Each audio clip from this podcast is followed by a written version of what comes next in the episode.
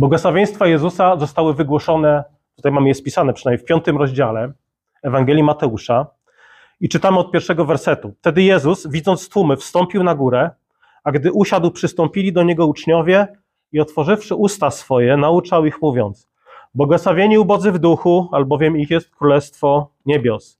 Błogosławieni, którzy się smucą, albowiem oni będą pocieszeni. Błogosławieni cisi, albowiem oni posiądą ziemię. Błogosławieni, którzy łakną i pragną sprawiedliwości, albowiem oni będą nasyceni. Błogosławieni miłosierdzie, albowiem oni miłosierni, albowiem oni miłosierdzia dostąpią. Błogosławieni czystego serca, albowiem oni Boga oglądać będą. Błogosławieni pokój czyniący, albowiem oni synami Bożymi będą nazwani. Błogosławieni, którzy cierpią prześladowanie z powodu sprawiedliwości, albowiem ich jest Królestwo Niebios. Błogosławieni jesteście, gdy wam złorzeczyć i prześladować was będą i kłamliwie mówić na was wszelkie zło ze względu na mnie. Radujcie i weselcie się, albowiem zapłata wasza obfita jest w niebie, tak bowiem prześladowali proroków, którzy byli przed wami. Drogi Ojcze, prosimy Cię, abyś otwierał przed nami Twoje słowo, ale też abyś otwierał, otwierał nasze serca, nasze umysły, abyśmy pojęli duchowe prawdy w duchowy sposób. Prosimy Cię, Duchu Święty, o Twoje działanie. Amen. Błogosławieństwa zostały wygłoszone do uczniów, którzy e, odpowiedzieli na wezwanie Jezusa do naśladowania Go. Czyli błogosławieństwo to nie jest zestaw moralnych, jakichś etycznych zasad w oderwaniu od więzi z Jezusem. Ich kontekstem są słowa Jezusa, które wypowiedział rozdział wcześniej. Odtąd Jezus począł kazać i mówić: Upamiętajcie się, przybliżyło się bowiem Królestwo Niebios. To jest, to jest kontekst y, błogosławieństw Jezusa. Czyli błogosławieństwa Jezusa opisują charakterystykę, styl życia tych, którzy należą do Królestwa Bożego. To nie jest zestaw mm, cech dla mega duchowych niektórych chrześcijan. Dlatego powinniśmy, jako wszyscy uczniowie Jezusa, znać treść ośmiu błogosławieństw i żyć według nich. Pierwsze błogosławieństwo brzmi: Błogosławieni ubodzy w duchu, albowiem ich jest Królestwo Niebios. Słowo tłumaczone tutaj jako ubogi to jest greckie ptochos i pochodzi od ono, pochodzi ono od czasownika kucać albo pochylić się, czyli takiej postawy charakterystycznej dla żebraków. I tutaj nasz Pan odnosi się do duchowego, a nie materialnego ubóstwa. Odnosi się do duchowej nędzy. Biblia nigdzie nie mówi, że y, materialne ubóstwo niesie ze sobą jakieś automatyczne Boże błogosławieństwo. Pan mówi tutaj o, o ubogich w duchu. I to błogosławieństwo jest pierwsze w kolejności z prostej przyczyny, ponieważ bez tego, bez tej postawy ubóstwa w duchu, nikt nie wejdzie do Królestwa Bożego. Nie ma nikogo w Królestwie Bożym, kto nie byłby ubogi w duchu. To jest podstawowa cecha obywatela nieba. Ubodzy w duchu, kiedy czytają biblijne nauczanie na temat duchowej kondycji człowieka, to nie tylko mówią, a świat jest grzeszny, tak jest świat, tak, ludzkość jest zła. Tacy ludzie mówią, to jest o moim grzechu, to jest o mojej kondycji duchowej. Czyli ubóstwo w duchu to jest świadomość tego, że to ja jestem duchowym bankrutem, a nie jedynie ten świat jest zły. To ja nie mam czegokolwiek, co zapewniłoby mi Bożą przychylność. Czyli to nie jest, y, ubogi w duchu to nie jest człowiek, który mówi, moje zasługi są malutkie, a Boże takie. Oddajmy chwałę Bogu, bo Jego zasługi to jest 99%, moje to jest moje to, to jeden. Pan Jezus mówi o tym, o tych, którzy nie mają nic, a nie o tych, którzy mają ciut, ciut, niewiele. Apostoł Paweł pisał, że mam wiele powodów, żeby się chlubić. Pochodzenie, wykształcenie, pozycja, którą mam, a jednak dodał w liście do Filipian, wszystko to uznaję za śmiecie, byle zyskać Chrystusa. Nie mówił, że to są moje drobne zasługi. To jest nic w obliczu Boga. Jest ubogi w duchu. W oczach świata może miał wiele, ale przed Bogiem jedyną rzeczą, którą Paweł, wie, że każdy z nas, mógł przynieść i przedstawić, to jest Panie, proszę bardzo, oto mój grzech. To jest, to słuchajcie, to jest je, nasz jedyny wkład w zbawienie, jeżeli to mogę nazwać wkładem. Twój grzech, za który Syn Boży umarł. Dlatego nie bez powodu ubóstwo w duchu to jest pierwsze błogosławieństwo, to jest punkt wyjścia. Żeby stanąć przed Bogiem, musisz stanąć przed Nim jako duchowy bankrut. Thomas Watson napisał: Ręka, która trzyma kamień, nie może być wypełniona złotem. Musisz najpierw rozbić grzech, który trzymasz, żeby przyjąć Boże dary z wdzięcznością. Czyli to jest absolutny punkt wyjścia. Błogosławieni ubodzy w duchu. Dalej nasz Pan mówi: Błogosławieni, którzy się smucą, albowiem oni będą pocieszeni. Czyli drugie błogosławieństwo, smutek, to jest następstwo pierwszego. Czyli ubogi w duchu, widząc swoją duchową ruinę, smuci się. I fakt bycia tym duchowym żebrakiem prowadzi go do smutku. Czyli zwróćcie uwagę tutaj, Pan Jezus tutaj nie mówi o smutku z powodu tego, że twoja ulubiona drużyna przegrała mecz, albo że partia, na którą zagłosujesz za tydzień, nie wygra wybory, wyborów w Polsce. Pan Jezus nie mówi tutaj o smutku, no nawet nie mówi o takim smutku naprawdę mm, dotkliwym, kiedy, nie wiem, odchodzi ktoś bliski, kiedy tracisz pracę, kiedy twoje dziecko choruje. Na, nawet nie o tym tutaj Pan Jezus mówi. Pan Jezus obiecuje tutaj pocieszenie tym, którzy smucą się z powodu własnej duchowej niewoli, niedoli, duchowego stanu. To jest taki ewangeliczny smutek, który jednak prowadzi do trwałej pociechy. Tak? Nasz Pan mówi, będą pocieszeni. Nie zostawia nas w tym stanie smutku. Ale tutaj musicie, musimy wszyscy uważać, dlatego że istnieje coś takiego jak światowy smutek, który prowadzi do rozpaczy. Są ludzie, którzy wręcz no, dają się opanować smutkowi, który, który nie ma nic wspólnego z nawróceniem. To jest, taki, to jest takie życie naprawdę w ciemnej piwnicy. A ciemne miejsca, w ciemnych miejscach gromadzą się upiory. Więc Pan Jezus mówi, uciekaj jak najszybciej z tego miejsca. Taki smutek to jest życie w mrocznej piwnicy. Tego rodzaju smutku musimy unikać. Niestety są różne, no, jest muzyka, która prowadzi człowieka do takiego stanu ustawicznego smutku i ludzie lubują się w takich ciemnych klimatach, nie chcą z tego wychodzić. Mamy wiele przykładów w Piśmie Świętym takiego światowego smutku, który prowadzi do rozpaczy, a nawet śmierci. Amnon, Achab, Judasz, Faraon z czasów Mojżesza, bogaty młodzieniec w Ewangeliach. To, to są przykłady smutku, które nie mają nic wspólnego z takim ewangelicznym opamiętaniem. Czyli chodzi tu o smutek z powodu duchowego obóstwa. Ale to błogosławieństwo jeszcze może iść dalej, możemy to rozwinąć. To jest również smutek spowodowany kondycją świata. Yy, chrześcijaństwo, Twoja wiara polega nie, nie tylko na tym, że dbasz o swoją indywidualną relację z Bogiem, ale powinniśmy też okazywać troskę, zainteresowanie i modlić się o nasze otoczenie, rodzinę, sąsiadów, świat, o nasz naród. Biblia nazywa nas kapłanami Boga, co oznacza, że jako kapłani mamy wstawiać się przed Bogiem za ludzi. Dlatego nie na darmo modlimy się o nasz naród. To, co się dzieje w kościele w Dzień Pański podczas nabożeństwa, jest dużo ważniejsze niż to, co się dzieje, będzie się działo jutro w jakichś izbach politycznych.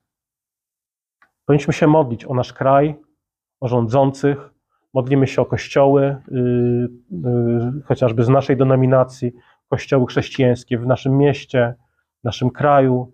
Kiedy odwiedzaliśmy teraz yy, zbory, to też w czasie modlitw pojawił, pojawiał się nasz kościół, pojawiały się inne kościoły na świecie.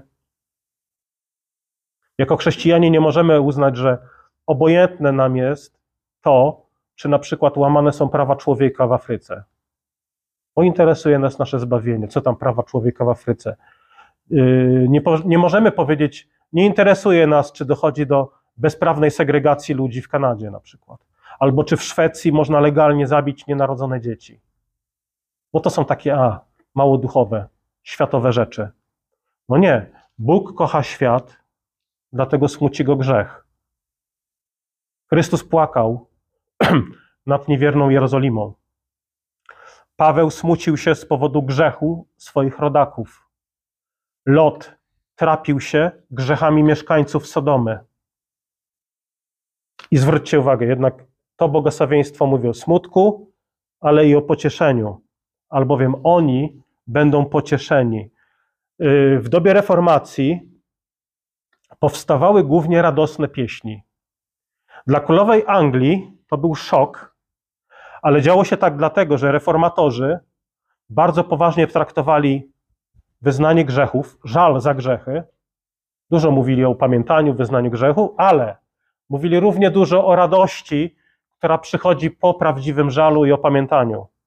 Mówili o radości, o pociesze po otrzymanym zapewnieniu o przebaczeniu. Nie? Tak, tak, tak widzimy to zresztą w czasie nabożeństwa. Może przechodzimy tacy lekko nieśmiali, zdołowani, w poczuciu, że zawiedliśmy Boga. Na początku nabożeństwa mamy ten moment wyznania grzechów, kiedy klęczymy.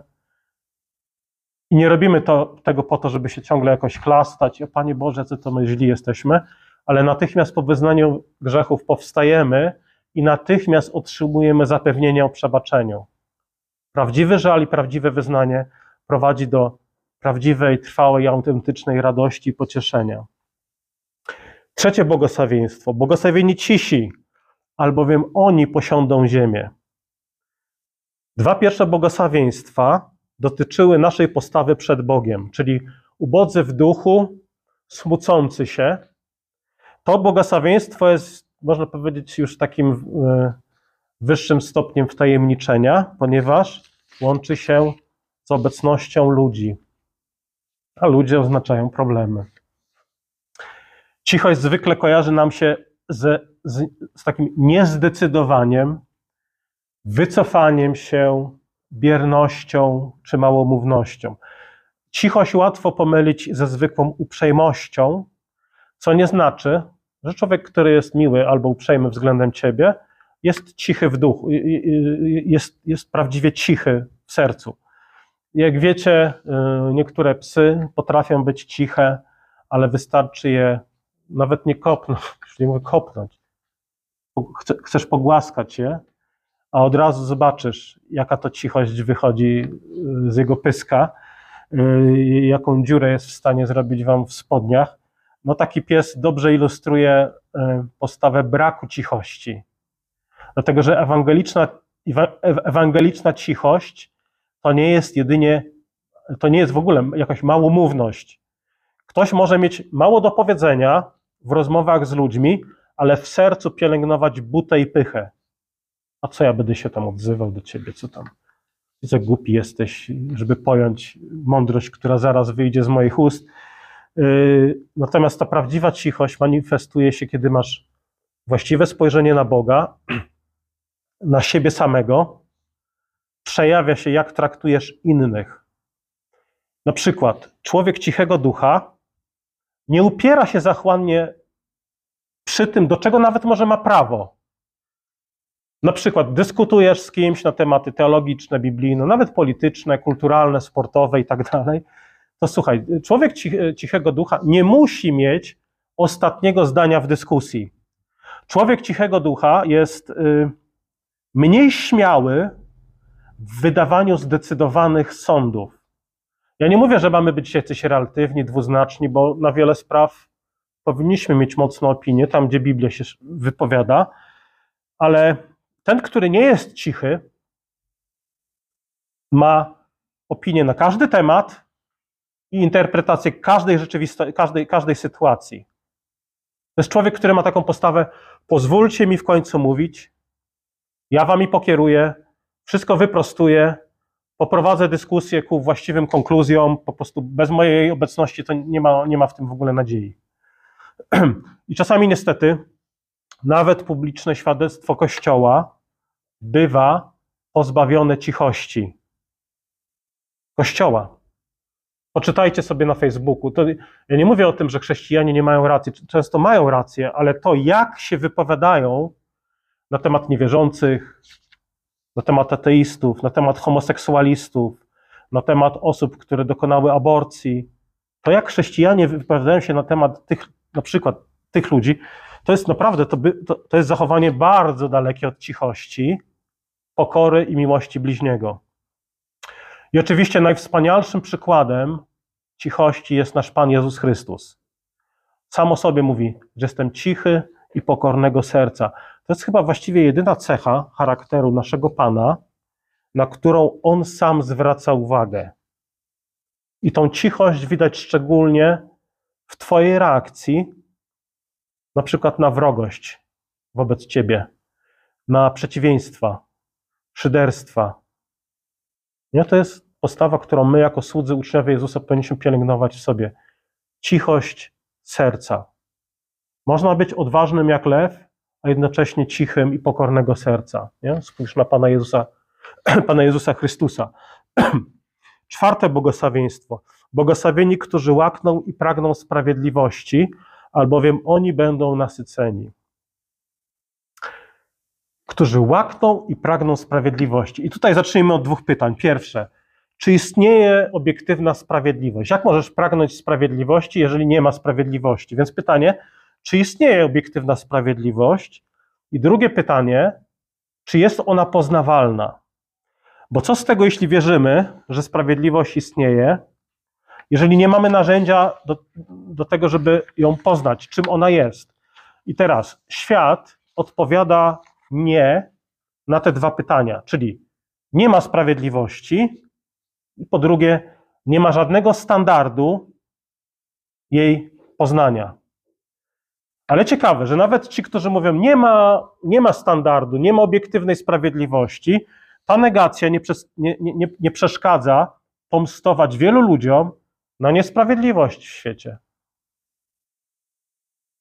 My, jako wierzący, odpowiadamy, że istnieje zarówno obiektywna sprawiedliwość, jak i obiektywny standard sprawiedliwości, którym jest Boże Słowo, Biblia. I teraz czym jest sprawiedliwość? No, najkrócej można ją zdefiniować jako zgodność z Bożymi standardami, zgodność z Bożym prawem. Bez Boga nie ma mowy o żadnej sprawiedliwości, bez odwołania do Pisma Świętego, do standardu sprawiedliwości, możesz mówić jedynie o pewnej opinii, intuicji, akcji, reakcji, ale nie mamy żadnego standardu, który jest w stanie rozstrzygnąć naszą opinię. I czego Pan Jezus tutaj oczekuje od nas, mówiąc o błogosławieństwie dla łaknących sprawiedliwości? Po pierwsze, powinieneś pragnąć być uznanym, uznaną za sprawiedliwego przez Boga. I teraz tego rodzaju sprawiedliwości nie jesteś w stanie osiągnąć, wypracować własnymi uczynkami. Jedynie w Chrystusie, poprzez zaufanie Jemu, Bóg widzi nas jako usprawiedliwionych, jako sprawiedliwych. Nie ma innej drogi. I po drugie, kiedy jesteś przyodziany sprawiedliwością Chrystusa, kiedy Jemu zaufałeś, kiedy Bóg widzi Cię jako sprawiedliwego, spoglądając na Ciebie przez pryzmat Jego dzieła, powinieneś być głodny i spragniony sprawiedliwego postępowania. I pragnienie sprawiedliwości w nas, żeby Panie chce być uznany przez Ciebie za sprawiedliwego, to, to pragnienie powinno wychodzić poza nas. Czyli powinieneś pragnąć sprawiedliwości również w świecie, w prawie, w kościele, powinniśmy modlić się o sprawiedliwość. Dobre baśnie, dobre filmy uczą nas, że kiedy ginie smok, to mieszkańcy się cieszą. Dlatego polecam, jak czytaliście na Facebooku e, moją recenzję, polecam film Bez litości 3 e, w kinach. Nie wiem, czy jeszcze jest, z Denzelem Washingtonem. To jest film, który właśnie to ilustruje łaknienie sprawiedliwości i radość, kiedy ginie smok. Dlaczego? Dlaczego tak jest? Ponieważ triumfuje sprawiedliwość. Niektórzy uważają, że wołanie o sprawiedliwość jest nieduchowe. ponieważ mamy głosić Ewangelię, mamy głosić łaskę, przebaczenie w Chrystusie, a nie sprawiedliwość w takim doczesnym wymiarze jeszcze. Tymczasem pragnienie sprawiedliwości w świecie jest owocem Ewangelii, owocem umiłowania dobra i nienawiści wobec zła. Jest coś bardzo niedobrego w sytuacji, kiedy chrześcijanin mówi, albo kiedy chrześcijanin nie oburza się na niesprawiedliwość, na gwałt, okrucieństwo, terror. Jest coś nie tak. Kiedy mówimy, a to grzeszni ludzie grzesznym ludziom robią, co tam, my mamy głosić im Ewangelię. Ale nie oddzielajmy korzenia od owoców.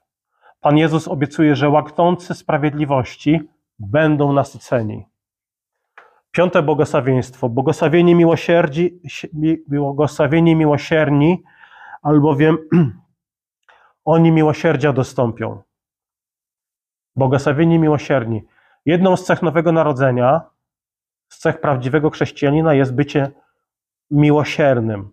Kogo nazywamy człowiekiem miłosiernym? Trudno o taką wyczerpującą definicję, ale myślę, że wiele się nie pomylę, jeśli powiem, że miłosiernym nazywamy człowieka, który wobec bliźniego okazuje dobre, uprzejme serce, czuje litość wobec tych, których spotkało nieszczęście, czy to na ciele, czy to na duszy, i wychodzi naprzeciw, żeby mu pomóc. Robi to nie tylko dobrą chęcią i współczuciem, ale czynem. Czyli tutaj zwróćcie uwagę, że miłosierny człowiek nie tylko odczuwa litość, uczucie współczucia. On działa. Czytamy, że miłosierny Samarytanin w podobieństwie Pana Jezusa ulitował się nad leżącym na drodze człowiekiem i nie chodzi o to, że on się tak oj, ulitował i tak się chwycił i mówił, ojej, jaki taki biedny człowiek leży, oje, jak mu współczuje, on cierpi. Nie, nie na tym jedynie przynajmniej polega miłosierdzie. Przede wszystkim on przeciwdziałał jego krzywdzie i bólowi. Czyli wyszedł naprzeciw, aby przynieść mu ulgę i pomoc. I taki jest nasz Pan Jezus Chrystus. Nie tylko Pan Jezus spojrzał z nieba na grzeszny świat i pożałował go, jaki to zły i upadły świat. Czytamy, że Pan Jezus przyszedł na grzeszny świat i przyniósł miłosierdzie. I zobaczcie, że to miłosierdzie polegało na tym, że się wplątał w zawiłości tego świata, w ludzką zawiść, ludzkie kłamstwo, cierpienie, dlatego że miłosierdzie bywa kosztowne dla tego, który je okazuje. I jako chrześcijanie jesteśmy wezwani właśnie do okazywania miłosierdzia innym, ponieważ Bóg jest miłosierny względem Ciebie. Żeby okazywać miłosierdzie drugiemu, musisz znać miłosierdzie. Musisz doświadczyć miłosierdzia. Musisz mieć w sobie wdzięczność za miłosierdzie, którego doświadczyłeś od Pana Boga, ale nie tylko. Za miłosierdzie, którego doświadczyłeś też na pewno od wielu ludzi. Kiedy spojrzysz na swoje życie, kiedy ja spojrzę na swoje życie, to mogę być też wdzięczny wielu ludziom za, za to, że są miłosierni względem mnie. Że nie traktują mnie może tak, jak na to zasłużyłem. I myślę, że każdy, w życiu każdego z Was też tak jest. Okazuj wdzięczność też nie tylko Bogu, ale ludziom za to, że okazują Tobie miłosierdzie, ale też Ty. Bądź miłosierny względem uchybień innych, nieopatrznych słów innych, wad innych i tak dalej. Nie bądźmy jacyś małostkowi, chwytając się nawet drobnych rzeczy i potem je rozpamiętując. To jest niszczące dla nas. Powinniśmy być świadomi, że potrzebujemy miłosierdzia od innych i że sami powinniśmy je okazywać. Na przykład, miłosierdzie wobec innych oznacza, że nie będziesz nadstawiał ucha na obmowę drugiego, dopóki nie poznasz, jeżeli to jest jakiś, masz do czynienia z jakimś konfliktem, dopóki nie poznasz opinii drugiej strony. Miłosierdzie polega na tym, że nie będziesz dzielił się z, z innymi jakimś uchybieniem twojego przyjaciela, brata, siostry, szczególnie jeśli to jest jakaś taka drobna rzecz. Nie musisz cytować cudzych przejęzyczeń, których może ktoś się wstydzi, że jakaś wpadka słowna, nie musisz tego, do tego wracać i cytować, nie musisz zwracać uwagi każdemu, kto powie coś, z czym się nie zgadzasz. Możesz czasami przejść dalej i nie martwić się tym, że ktoś ma inne zdanie niż ty. Nie każdy w internecie ma rację, nie musisz się tym martwić, nie musisz być tym, który każdemu w internecie będzie starał się to udowodnić. Szóste błogosławieństwo. Błogosławieni czystego serca, albowiem oni Boga oglądać będą. Czystego serca. Błogosławieni są czystego serca. Czystość w, historii chrześcijaństwa bywała różnie rozumiana. Y, nie zawsze w biblijny sposób. Na przykład w Kościele rzymskokatolickim rozwinęła się forma życia religijnego zwana monastycyzmem, y, której podstawą jest życie we wspólnocie zakonnej. A jedną z reguł życia zakonnego jest złożenie tak zwanych ślubów czystości, co się rozumie jako powstrzymywanie od współżycia seksualnego. Są nawet nurty, które promują tak zwane białe małżeństwa, czyli małżeństwa, które decydują się unikać współżycia i uważają, że płynie z tego jakaś łaska z nieba dla człowieka. I oczywiste jest, że nie o tym tutaj mówi Pan Jezus. Nie chodzi tutaj o skupienie się wyłącznie na czystości seksualnej. Ta czystość serca odnosi się do tego, kim jesteśmy, naszych najgłębszych, skrytych myśli, naszych wyborów, naszych motywacji. Wszystko to widzi Bóg. Bóg widzi to, czego nie widzi człowiek. Żadna z naszych myśli, pragnień i motywacji nie jest przed Bogiem ukryta. Nasz Pan wskazuje więc tutaj, że nasza wiara to jest przede wszystkim wiara serca, wiara wnętrza, ale nie chodzi mi tutaj o takie stwierdzenie, jak znacie pewnie te powiedzenia, że chrześcijaństwo to jest moja prywatna, indywidualna relacja z Jezusem, a nie formy. Że Bóg nie jest zainteresowany tym, czy udam się na nabożeństwo, tym, czy, czy, czy, nie wiem, czy odwiedzę kogoś w biedzie albo chorego. Bóg nie jest zainteresowany formami, moim zachowaniem, ale sercem. Ale musimy pamiętać, że nasza wiara to nie jest oczywiście jedynie poprawna liturgia. Czyli nie mówimy, że wiara, że wiara sprowadza się jedynie do serca i nic więcej, ale z drugiej strony nie mówimy, że wiara to jest chodzenie, jedynie chodzenie do kościoła, poprawna liturgia, wznoszenie rąk, dostosowanie się do zasad etyki chrześcijańskiej. Nasza wiara jest wiarą serca, ale wiara serca powinna przejawiać się w wierze ręki, nogi, ucha czy oka. Dlatego, kiedy jesteśmy na nabożeństwie, uczymy się tych rzeczy. Czyli z jednej strony szczerze, wierzę, śpiewamy czy modlimy się, ale też nasze ręce, wierzę, że wiara serca jest zaangażowana w wiarę ręki. W jaki sposób? No na przykład w ten sposób zachęcam, kiedy śpiewamy Gloria Patri, doksologię, kiedy modlimy się Ojcze Nasz, że to jest naprawdę budujące i chwalebne, kiedy nasze ciała też są naczyniami uwielbienia Boga, kiedy wznosimy ręce, kiedy nasze ręce są zaangażowane w branie chleba i wina przy stole pańskim, kiedy nasze ręce są zaangażowane przynoszenie też ofiar, którymi czcimy Boga. Tak samo nasze nogi, kiedy wstajemy, śpiewając, kiedy klęczymy, wyznając, wyznając y, nasze winy. Także wiara serca powinna się przejawiać w wierze, w wierze oka, ucha, ręki, nogi i tak dalej. Siódme, przedostatnie błogosławieństwo. Błogosławieni pokój czyniący, albowiem oni synami Bożymi będą nazwani. Błogosławieni pokój czyniący. Czynienie pokoju to jest nie lada umiejętność. Ktoś powie, jaka to umiejętność? Co to za sztuka? Mieć pokój. Może mogę wymienić Ktoś nas pomyśli, no jedną, dwie, trzy osoby, z którymi może pokoju nie mam, które są wredne wobec mnie i chyba mi źle życzą. ale generalnie z, większo z większością ludzi mam pokój i w zasadzie osiągnięcie tego pokoju jest bardzo proste, bo wystarczy, że będę siedział w domu, nie będę odbierał telefonów, nie będę odpisywał na maile w internecie i trzymał się z dala od ludzi. I to jest droga do pokoju z wszystkimi. Nikt mi za skórę nie zajdzie. Ale pokój to nie jest to samo, co obojętność lub bierność. Zobaczcie, że Pan Jezus tutaj mówi o czyniących pokój. Natu w naszym naturalnym stanie jesteśmy tymi, którzy lubią rzeczy zaogniać, którzy lubią z iskry wzbudzać pożar. Czynienie pokoju wymaga dojrzałości. Pomyśl, jeżeli jesteś z kimś skonfliktowany, pomyśl o tym, że teraz dążenie do pokoju z tym kimś no, wymaga pewnej dojrzałości. To jest już wyższy stopień wtajemniczenia. To wymaga często podjęcia inicjatywy,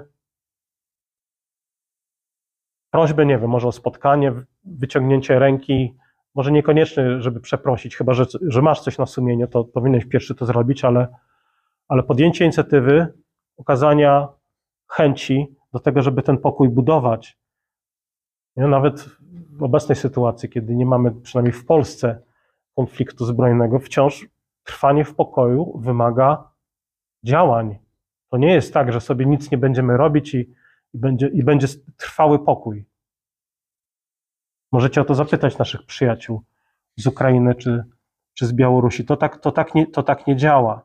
Y, kiedy pierwsi ludzie stracili, utracili pokój z Bogiem, to harmonia przestała istnieć w każdej innej sferze. Zobaczcie, że wskutek tego, że Adam i Ewa zgrzeszyli i utraciliśmy jako ludzie pokój z Bogiem, to po prostu ten brak pokoju przeniósł się na każdą sferę naszego życia. Człowiek utracił pokój z Bogiem, ale możemy też powiedzieć takim językiem psychologii, że człowiek utracił pokój sam z sobą. Adam, pamiętacie, po upadku odczuwał wstyd. Możemy powiedzieć, że przestał, przestał czuć się dobrze sam ze sobą. Dalej, człowiek utracił pokój z innymi ludźmi, nawet z najbliższym człowiekiem. Pamiętacie, y, co zrobił Adam po upadku? Jadłeś, zjadłeś owoc? Bóg pyta, a ten odpowiada co? Kobieta, którą mi dałeś, zerwała owoc i dała mi. Czyli innymi słowy, ona jest winna, nie ja. Czyli człowiek utracił pokój z osobą, która, była w tym momencie dla niego najbliższa. Trzecia rzecz, człowiek utracił harmonię ciała. Po upadku nastąpiły zaburzenia w funkcjach ciała, pojawiły się choroby, bóle. Czwarta rzecz, straciliśmy harmonię ze stworzeniem, z przyrodą, z naturą. Przed upadkiem, można powiedzieć, ziemia była przyjazna człowiekowi. Zwierzęta były przyjazne człowiekowi, rośliny. Natomiast po upadku ziemia zaczęła rodzić chwasty i nie współgra z człowiekiem jak wcześniej. I oczywiście znacie te nurty, niechrześcijańskie nurty, yy, których, których przedstawiciele, ludzie szukają harmonii z naturą, dzisiaj z naturą, obejmują drzewa, określają siebie jako zjednoczonych z naturą, mówią tutaj, nie wiem, Matka Ziemia, Gaja i tak dalej, i tak dalej, ale jeżeli ktoś chce się przekonać, czy żyje w jedności z naturą, no to pójdźcie do gdańskiego zoo i spróbujcie tam włożyć rękę y, do klatki z tygrysem na przykład, albo pogłaskać krokodyla, albo wskoczcie do rwącej rzeki, albo zostawcie ogród na, nawet na miesiąc, wróćcie po miesiącu i zobaczcie, co się stanie z waszym ogrodem. No fakt jest taki, że nie ma harmonii z przyrodą i z naturą po upadku. Bez pokoju z Bogiem nie ma prawdziwego spełnienia i pokoju w innych kontekstach. W czasie konfliktów takie rzeczy jak rodzina, przyjaciele, muzyka nie potrafią cieszyć w stu procentach. Tak, nie, nie znajdujemy spełnienia w skłóconym do, domu, w skłóconych relacjach z sąsiadami. Tam, gdzie brakuje pokoju, tam nie cieszy dźwięk gitary ani pianina. Tam nie cieszy radość yy, zwycięstwa ulubionej drużyny. Tam nie cieszy smak ulubionej potrawy. Pamiętam, kiedy wybuchła wojna w lutym zeszłego roku na Ukrainę. Wojna oczywiście się toczyła wcześniej, już yy, agresja Rosji się wcześniej zaczęła, ale pamiętam luty zeszłego roku, no marzec, yy, yy, to wielu pol, polskich muzyków tu w Polsce zastanawiało się, czy grać w ogóle koncerty. Mieli dylemat. Czy, czy tu w Polsce grać y, radosną muzykę, grać koncert w sytuacji, kiedy u naszych sąsiadów toczy się wojna, jest konflikt zbrojny. I odpowiedzią jest oczywiście Ewangelia. W Chrystusie Bóg wypracowuje pokój we wszystkich sferach, tam gdzie go utraciliśmy. Oczywiście poprzez Chrystusa od, od, y, mamy pokój z Bogiem, ale lubię też myśleć w takich kategoriach. Skoro Ewangelia ma moc pojednać Ciebie z Bogiem, to o ileż bardziej Ewangelia ma moc pojednać Ciebie z drugim człowiekiem. Człowieka z, z, ze, stworze, ze, ze stworze, człowieka z sobą samym. Tam, gdzie ten pokój i harmonię utraciliśmy. I ostatnie błogosławieństwo. Błogosławieni, którzy cierpią prześladowanie z powodu sprawiedliwości, albowiem ich jest Królestwo Niebios. Błogosławieni jesteście, gdy wam złorzeczyć i prześladować was będą i kłamliwie mówić na was wszelkie zło ze względu na mnie. Radujcie i weselcie się, albowiem zapłata wasza obfita jest w niebie, tak bowiem prześladowali proroków, którzy byli przed wami. I tutaj dochodzimy do ostatniego błogosławieństwa, podczas gdy poprzednie siedem y, to były to był opis cech chrześcijanina, jak, jak, jacy jesteśmy albo jacy powinniśmy być, mówi Pan Jezus, to to ostatnie błogosławieństwo mówi, że słuchaj, to przydarzy się Tobie, ponieważ jesteś chrześcijaninem.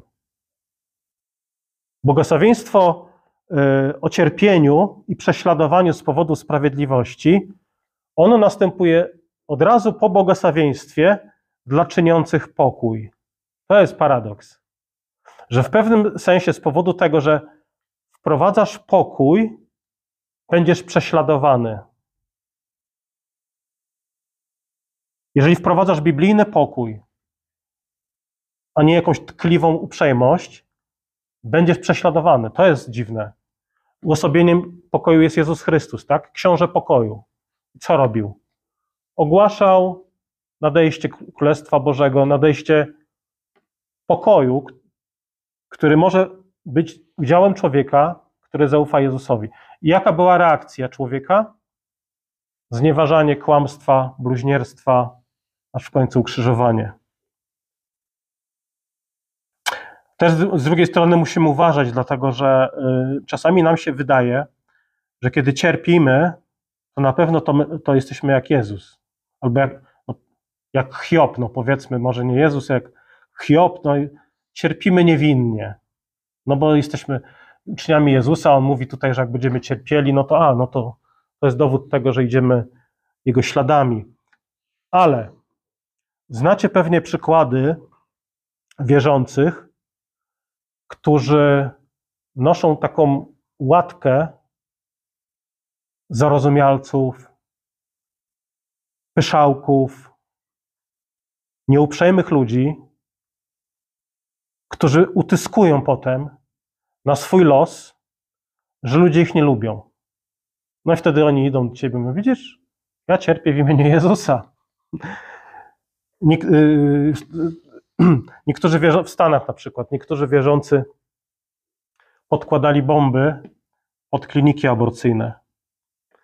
I pewnie no, ich celem, ich motywacje może były dobre, żeby uratować, nie wiem, nienarodzone dzieci przed śmiercią, ale no, celem może też nie było to, żeby zabić tam kogokolwiek, ale zdarzało się, że ktoś zginął w wybuchu. I tacy ci chrześcijanie stanęli przed sądem, zostali skazani Może sądzili, że to jest rodzaj prześladowania ze względu na Jezusa. Tyle, że nie o tym tutaj mówi Pan Jezus. To nie jest ewangeliczne cierpienie. Pomyśl o tym w ten sposób.